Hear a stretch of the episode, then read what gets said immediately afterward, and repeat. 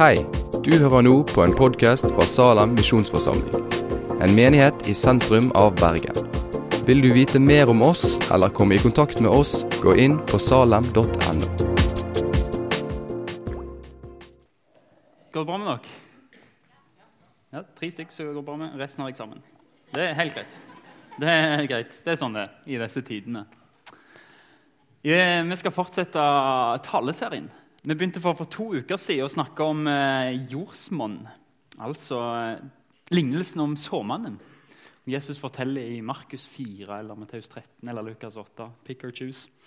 Eh, og når de gjentar han tre ganger, så må det være veldig viktig. Og jeg var ikke klar over eh, altså Jeg leste den lignelsen for en måneds tid siden, og så tenkte jeg her Det var akkurat som Gud bare viste meg en dybde som jeg ikke har sett i den før. Og at her er det vanvittig mye. Og så tenkte jeg her, ok, vi lager en taleserie. Eh, men det jeg ikke visste når jeg har begynt å jobbe med den, den at den lignelsen der er vanvittig ransakende. For meg hadde det vært en søndagsskolefortelling som var bare kjempegøy å høre fordi han var så bra. Han planta overalt, og det ble god stemning og masse frukt. Men den er vanvittig ransakende. Og I dag så er det kanskje spesielt til dere som allerede er kristne. Men er du her og ikke er kristen, så tror jeg du får litt mer forståelse av hva kristendommen er. Vi skal lese eh, det som står i Matteus 13. En såmann gikk ut for å så. Og Da han sådde, falt noe ved veien, og fuglene kom og tok det. Noe falt på steingrunn, hvor det var lite jord, og det skjøt straks i været fordi jordlaget var tynt. Men da solen steg, ble det svidd og visnet fordi det ikke hadde fått slått rot. Lukas skriver det visna straks det kom opp fordi det ikke fikk hvete. Noe falt blant tornebusker, og tornebuskene vokste opp og kvalte det. Men noe falt i god jord og bar frukt 100, 60 og 30 ganger det som ble sådd. Den som har ører, hør. Så hør nå hvordan lignelsen om såmannen skal tydes. Hver gang noen hører ord om riket og ikke skjønner det, kommer den onde og røver det som er sådd i hjertet. Dette er det som ble sådd ved veien. Det som ble sådd på steingrunn, det er den som straks tar imot ordet med glede når han hører det, men han har ingen rot og holder bare ut en tid. Når han møter motgang eller forfølgelse for ordets skyld, eller Lukas skriver når troen blir satt på prøve, så faller han straks fra. Det som ble sådd blant tornebusker, det er den som hører ordet, men dette livets bekymring og rikdommens bedrag kveler ordet, så det ikke bærer frukt. Men det som ble sådd i den gode jorden, det er, det er, de som hører ordet og forstår det. Han bærer frukt 160-30 ganger det som ble sådd. Sånn som vi så for to uker siden, og Hvis du ikke hørte det, så kan jeg anbefale å gå inn og høre på podkast. Det var en veldig bra taler. Eh, så handla denne lignelsen først og fremst om de som hører ordet, hører det som står i Bibelen, altså evangeliet, budskapet om Jesus. Det handler om deg, om hvordan du tar imot budskapet. Og hvordan det får konsekvenser for ditt liv. For det er nemlig ikke sånn at det er likegyldig at du bare tar imot, og så er alt greit. Kristenlivet det er å ta imot og tro, men det er et liv etterpå. Det er viktig. Vi pleier å evaluere taleren etter at møtet er ferdig. Det er det mange som gjør. Det jeg har gjort sjøl. Ah, det var en grei tale i dag. liksom. Um, jeg prøver å la være å evaluere meg sjøl. Iallfall baksnakke meg sjøl. Men denne lignelsen inviterer deg faktisk til å evaluere hvordan tar du imot budskapet. Og For en taler så er det jo herlig. Fordi hvis taleren snakker det som står i Bibelen, uansett hvor kjedelig det er, så handler det liksom om at du skal lytte. Hvordan lytter du? Denne lignelsen evaluerer deg, ikke taleren. Vi skal be. Herre Jesus, vi ber om at du taler.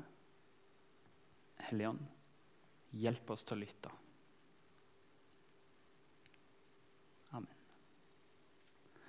I dag har vi fokus på steingrunnen. For to uker siden var det det som falt med veien. Ingve Frøystad, vår forsamlingsutvikler, skal neste uke snakke om det som faller blant tornebusker. Og som to uker skal jeg snakke om god jord. Hvordan blir vi god jord? Hva er god jord? Men i dag er det steingrunn. Og hvem er de som er steingrunn når de hører på ordet? Det står at de tok imot evangeliet med glede, og så skjøt det straks i været fordi jordlaget var tynt. Men de hadde ingen røtter, og de mangla vann, så de holdt bare ut ei kort tid. Det fins faktisk de som blir kristne litt for tidlig. De hører uten å tenke. Ja, himmel og evig liv, det høres jo kjempeflott ut. Jeg tror jeg. Og så er de totalt ukritiske og så enkelt at det bare blir i overflaten. I navnet. Jeg er kristen. Har det konsekvenser for livet ditt? Nei. Men jeg er kristen. Jeg skal til himmelen. Men så oppdager vi plutselig at Oi, Bibelen snakker jo faktisk om at det koster noe å være kristen.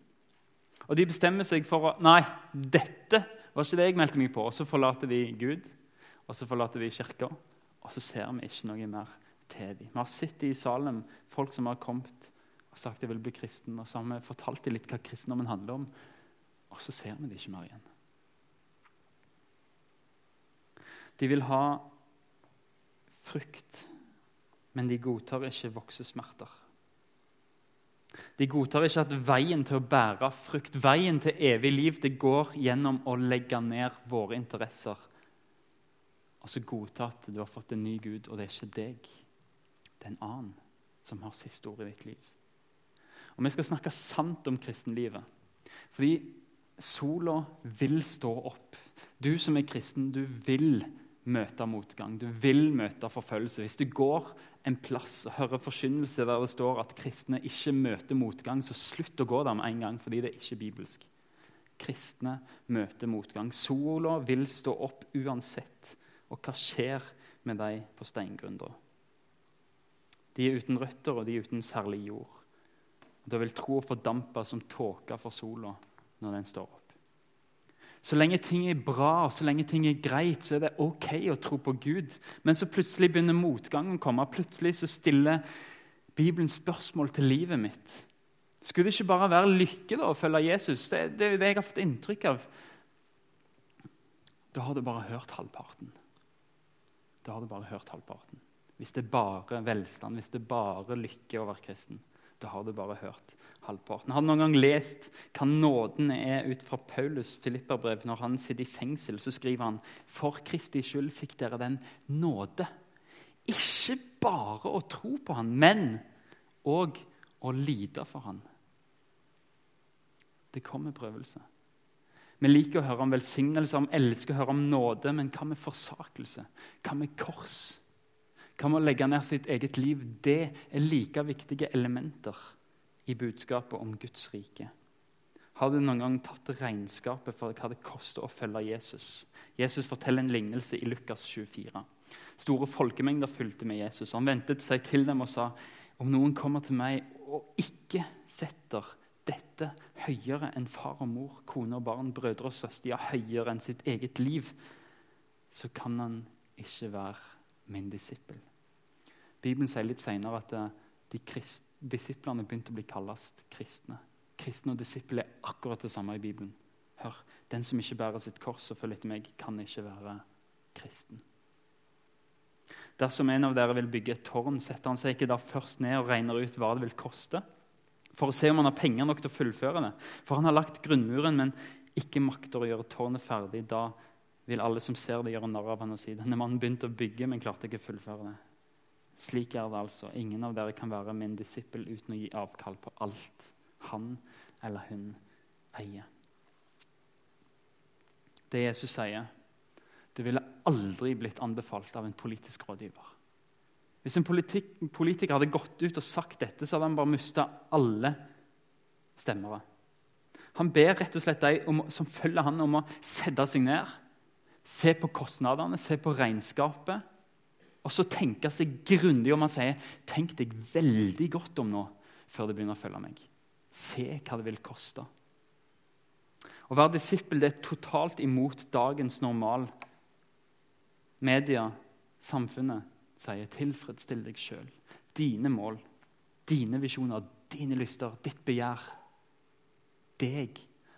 hele, alt det du ønsker, begjærer og trakter etter. Bare ta det. Det er ditt. Vær så god. Jesus sier sannheten. Kristendommen er ikke ei pute. Kristendommen er ikke en stige der du skal få klatre opp. Kristendommen er et kors. Og ikke et sånt lite sånn accessorized kors, en tilbehør som du kan ta fram i gode stunder. Et kors gir deg ikke mer rom, ikke mer personal space, der du kan utfolde deg sjøl nødvendigvis på akkurat det du ønsker. sånn at Et kors gir deg død. En som ble korsfesta, mista alle rettigheter. Livet var borte. og Når han bar korset sitt gjennom folkemengden, så visste folk én ting. Han kommer ikke tilbake, for han skal dø. Er du klar for å ta kostnaden for å være disippel? Har du nok til å gjennomføre og bygge det tårnet? spør Jesus. Fordi det er løver å kjempe mot. Det er kjemper å drepe. Det er en dødsskyggens dal. Det er forsakelser å ta, og det er store tap. Det er debatter å tape, det er latterkuler å få i ansiktet. Det er ydmykelser, og det er ting du ikke kan velge selv om du inderlig vil velge det. Og vite at ingenting, ingen kommer til himmelen uten å bli prøvd.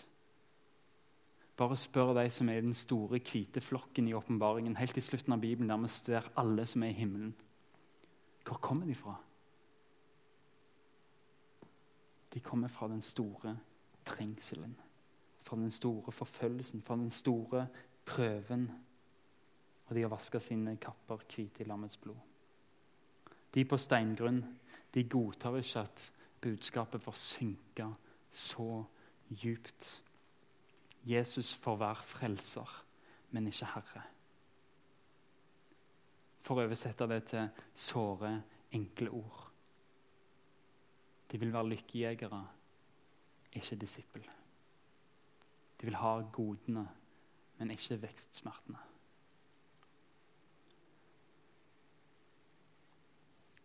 Lukas bemerker enda en ting om de som tar imot ordet stein, som steingrunn. Han sier de mangler vann. De mangler røtter. Vann i Bibelen er et symbol på Den hellige ånd sitt arbeid i livet. Spesielt når vi leser Bibelen og holder oss nær Gud, så jobber Den hellige ånd i oss. Jeg har det ikke på storskjerm, men Jeremia 17, 18. 17, 7 og 8. Velsignet er den mann som stoler på Herren og setter sin lit til Han. Han er lik et tre som er plantet ved vann. Det strekker røttene mot bekken. Hør nå. Det frykter ikke når heten kommer. Løvet er grønt. Det engster seg ikke i tørketider og slutter ikke å bære frukt. Kanskje er steingrunn sånne mennesker som er kristne fordi en taler overbeviste dem. Fordi mamma og pappa bare oppdratt dem sånn. Det er menneskeverd og kan lett brytes ned når vi møter motgang.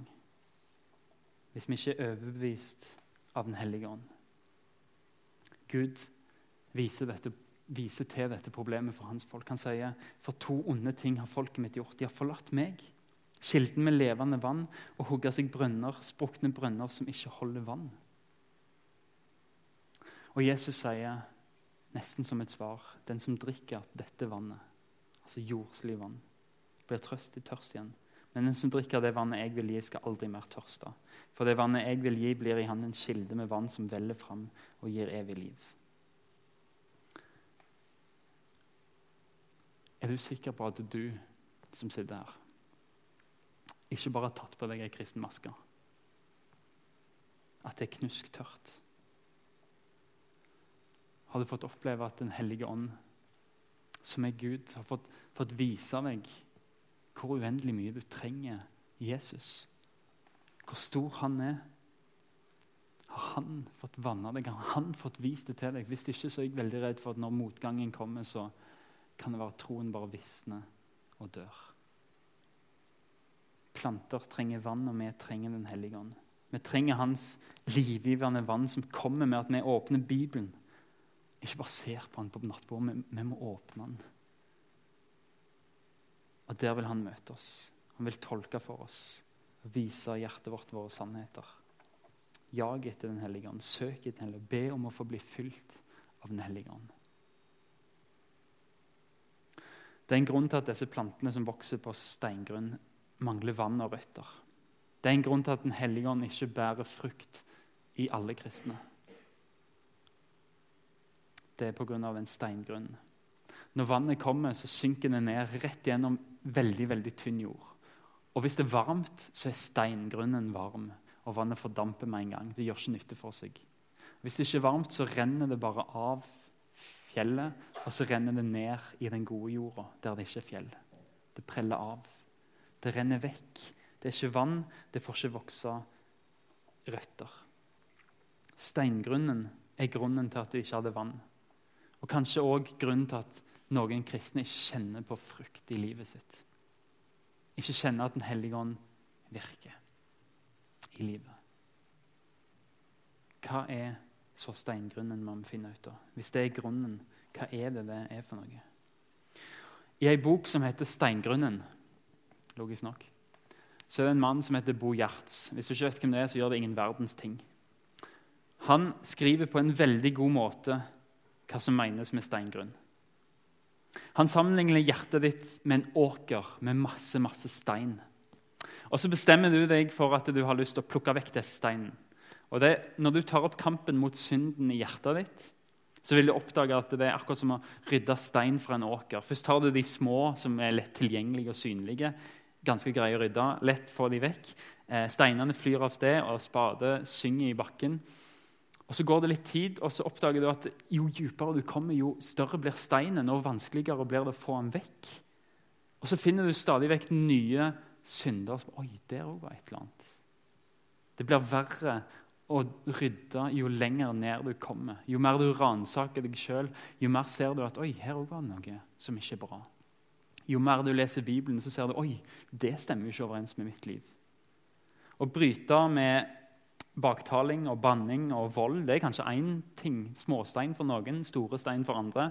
Det tar kanskje en kveld. Men så begynner du å se på karakteren din. At du er hovmodig, at du er egoistisk. At du har en trang til å være bedre enn alle andre. At du heller trykker andre ned for å løfte deg sjøl opp. Og kanskje tar det mange måneder å jobbe med det for å få det til å stemme mer overens med Bibelen. Og så En dag når du går der og kjemper med synd og rydder der i hjertet, så tenker du at nå nærmer det seg veldig slutten her. Nå skal jeg bare få ut de siste steinene her. Og så skal jeg så, så skal det begynne å virkelig vokse. Jeg kommer til å bli en superevangelist. Det skal bli så bra, dette her. Og så kjører du spaden fast. Og så oppdager du det bare en svær stein. Så begynner du å børste litt rundt der, ser ok, hvordan ser dette ut. Går omkring og graver, skraper litt, og så går det opp for deg. Wow. Her har jeg truffet grunnfjellet. Her er det virkelig steingrunn hele veien. Du har gravd fram en klippe som, du, som aldri noen gang kommer til å bære en plante med frukt. Det er ikke sjans å plante noe der. Det er steingrunn. Det er det som står igjen når du har skjerpa deg alt du kan for Gud. Og du har bare tenkt jeg skal slutte med det, jeg skal slutte med det, jeg skal begynne med det, jeg skal slutte med det, sånn og sånn og sånn, og sånn, rydde vekk småstein og prøve alt, så ser du til slutt at det er fremdeles håpløst. Det er ennå noe i livet ditt. Noe enda større som du ikke greier å gjøre opp. Steingrunn gjør at du er en like stor synder for Gud selv om du har gitt ham det beste du kan av lydighet, det beste du kan av forsakelser, så plutselig oppdager du at hele hjertet ditt er jo bare stein. Det betyr, for å forklare det med litt andre ord Jeg, jeg er ikke en egoist fordi at jeg gjør egoistiske handlinger. Det er ikke sånn, det er ikke den rekkefølgen. Det som er sant, er at jeg gjør egoistiske handlinger fordi jeg er egoist. Jeg er ikke en synder fordi jeg gjør syndige ting. Det er motsatt. Jeg gjør syndige ting fordi det er den jeg er. Jeg er en synder. Og det er samme med deg. Det er vår natur. Ikke bedra deg sjøl. Ikke tro at du kan fikse kristenlivet alene. Du er en synder. Det er derfor du gjør det du gjør. Og det er derfor du ikke gjør det du ikke gjør. Det er steingrunn i hjertet ditt. Og så sier vi ja, men Gud dømmer synden og ikke synderen. Nei! På dommens dag så kommer ikke Gud til å skille gjerning fra person. På dommens dag så må vi ta konsekvensen for det vi har gjort. Han, dømme, han skal dømme meg. Vi kunne jo sagt at jeg er en ok person, men det jeg gjorde, var ikke så bra. Sorry, Gud. Kan du brenne det? Nei, det blir litt feil. Han dømmer meg. Det går ikke an å skille. Du er klippen som står imot Gud. Og I møte med den sannheten så har vi fire muligheter. Fire muligheter. Den første det er å gå bort fra Jesus i vantro. Akkurat som Judas gjorde. Han som svikta Jesus, kom aldri tilbake igjen. Bare nekta for at 'nei, dette er ikke sant. Jeg er ikke en synder'. Den veien er ganske klar, sier Jesus. Den fører rett til døden. Til åndelig død, til evig død. Den andre muligheten er at du kan fuske med rydningsarbeidet. Det var noen som gjorde det i Bibelen, som kalles for fariseere. Det er den største fristelsen. kanskje. De tok og plukka vekk de steinene på marka som var liksom synlige. Og Så begynte de å så ut noen blomster som lukta godt, som de visste at folk likte. De ble fromme, de ble ærlige og flittige. Og så prøvde de å være elskverdige og hjelpsomme og ga store bidrag til misjonen og hadde en viktig tjeneste i Salem. Og Så gikk de ut og så viste de fram seg her. Dette er min premiehage. Se som ei frukt som vokser her. Men Gud ser tvers igjennom, sa han til en av fariseerne. Jeg ser hva som bor i hjertet. Og på dommens dag så var de blomstene for lengst visna. Og Det de hadde gjort, det var å ta ei grav som var full av død kadaver. Og så hadde jeg malt den hvit og satt på en fin, fin gravstein. Gud sa det inni der er fremdeles død. Den andre muligheten. Den tredje muligheten, og kanskje letteste, det er å begynne å tukle med målestokken. Hva er det som er en god åker? Når livet ditt ikke stemmer overens med Bibelen, så gjør du ikke noe med livet ditt, men du gjør noe med Bibelen. Bare begynn å fjerne. Nei, trenger ikke dette. Trenger ikke dette. Og vips, så har du en åker som er så fin som bare det. For Bibelen sier ikke noe om det som du ikke har tatt vekk. Hvis du viker bort fra Bibelen, fra Ordet, så blir du aldri overbevist om synd. Og i hvert fall ikke om hvor vanvittig du trenger Jesus. Du vil aldri komme ned til steingrunnen, og du vil aldri trenge Jesus. Hvis du bare redigerer bort Bibelen, så vil du ikke ha behov for Jesus i det hele tatt. Du vil aldri komme til han. Da kan han aldri få redde deg. Men den som gir Guds ord rett, helt uten å prute, den kombinerte steingrunnen og så oppdager synden som bor der. Og så forstår du at det går ikke an å bare forbedre livet mitt. Jeg trenger en utenfra. Jeg trenger hjelp, jeg trenger frelse. Det er dit Gud fører deg når han viser deg steingrunnen. Steingrunn er et knallhardt fjell som skjules av litt overfladisk jord. Nok jord til å synes at evangeliet er gode greier. Nok jord til å se ut som en kristen. Men ikke nok til å forvandle livet, ikke nok til å bære frukt.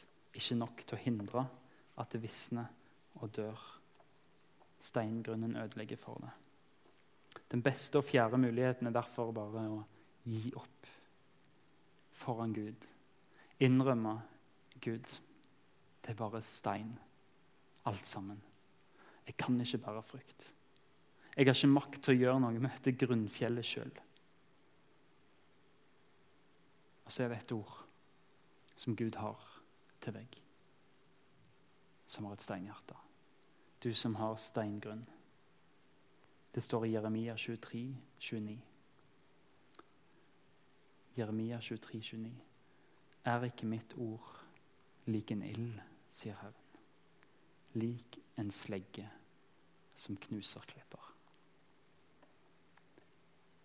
Gå til Gud med din steingrunn. For han er trofast, og han tilgir den som kommer til ham. Ikke bare det vi gjør, men det vi er. Jesus døde ikke for det du har gjort, han døde for den du er.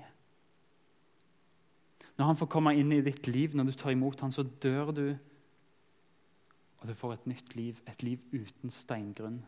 Og det begynner å leve i deg ved Den hellige ånd.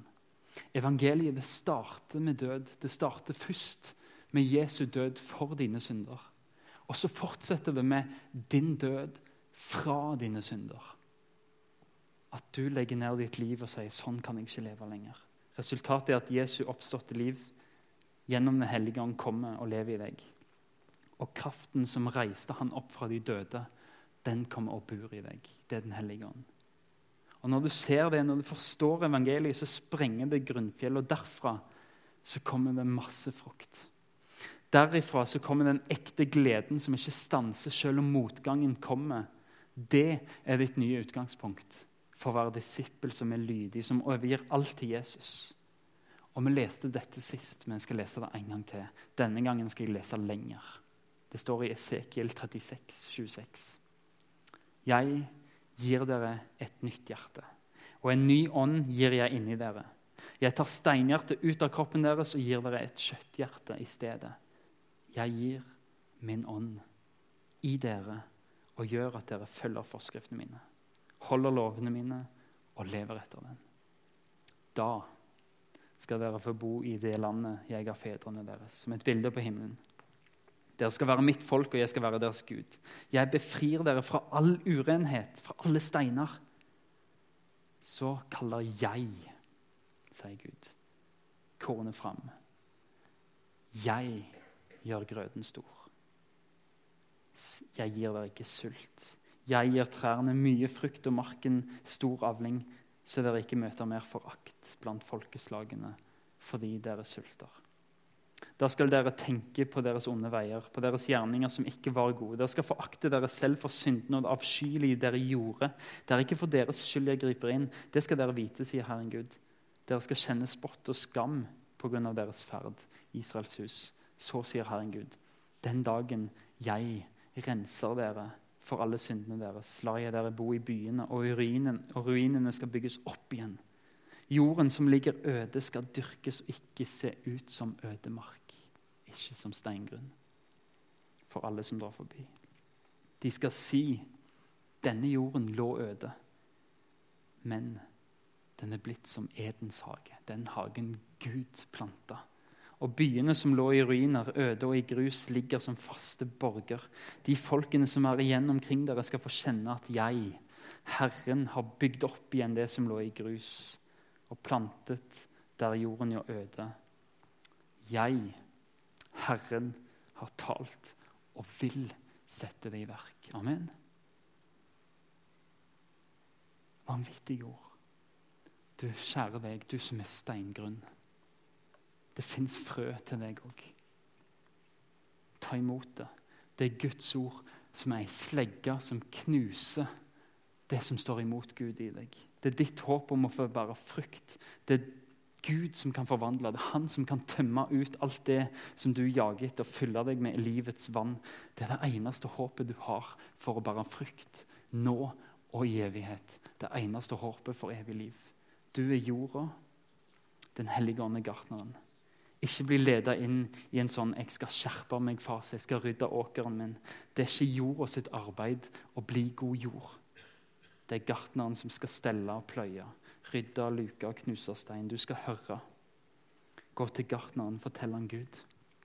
Jeg er steingrunn. Ingenting kan vokse opp og gro i meg. Please, gjør noe med dette.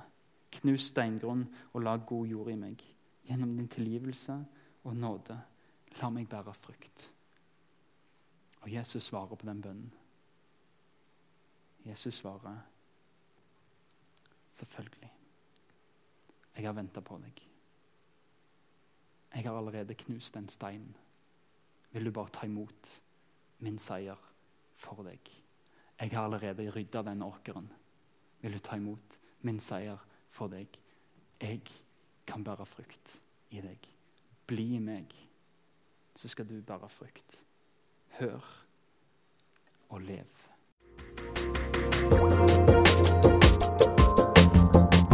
Takk for at du har hørt på podkasten fra Salem, Bergen. I Salem vil vi vokse i et stadig dypere fellesskap med Gud og med hverandre. Vi vil være Jesu hender og føtter og vi vil være med og forkynne frelse for Bergen og resten av verden. Besøk oss gjerne på salem.no om du vil vite mer.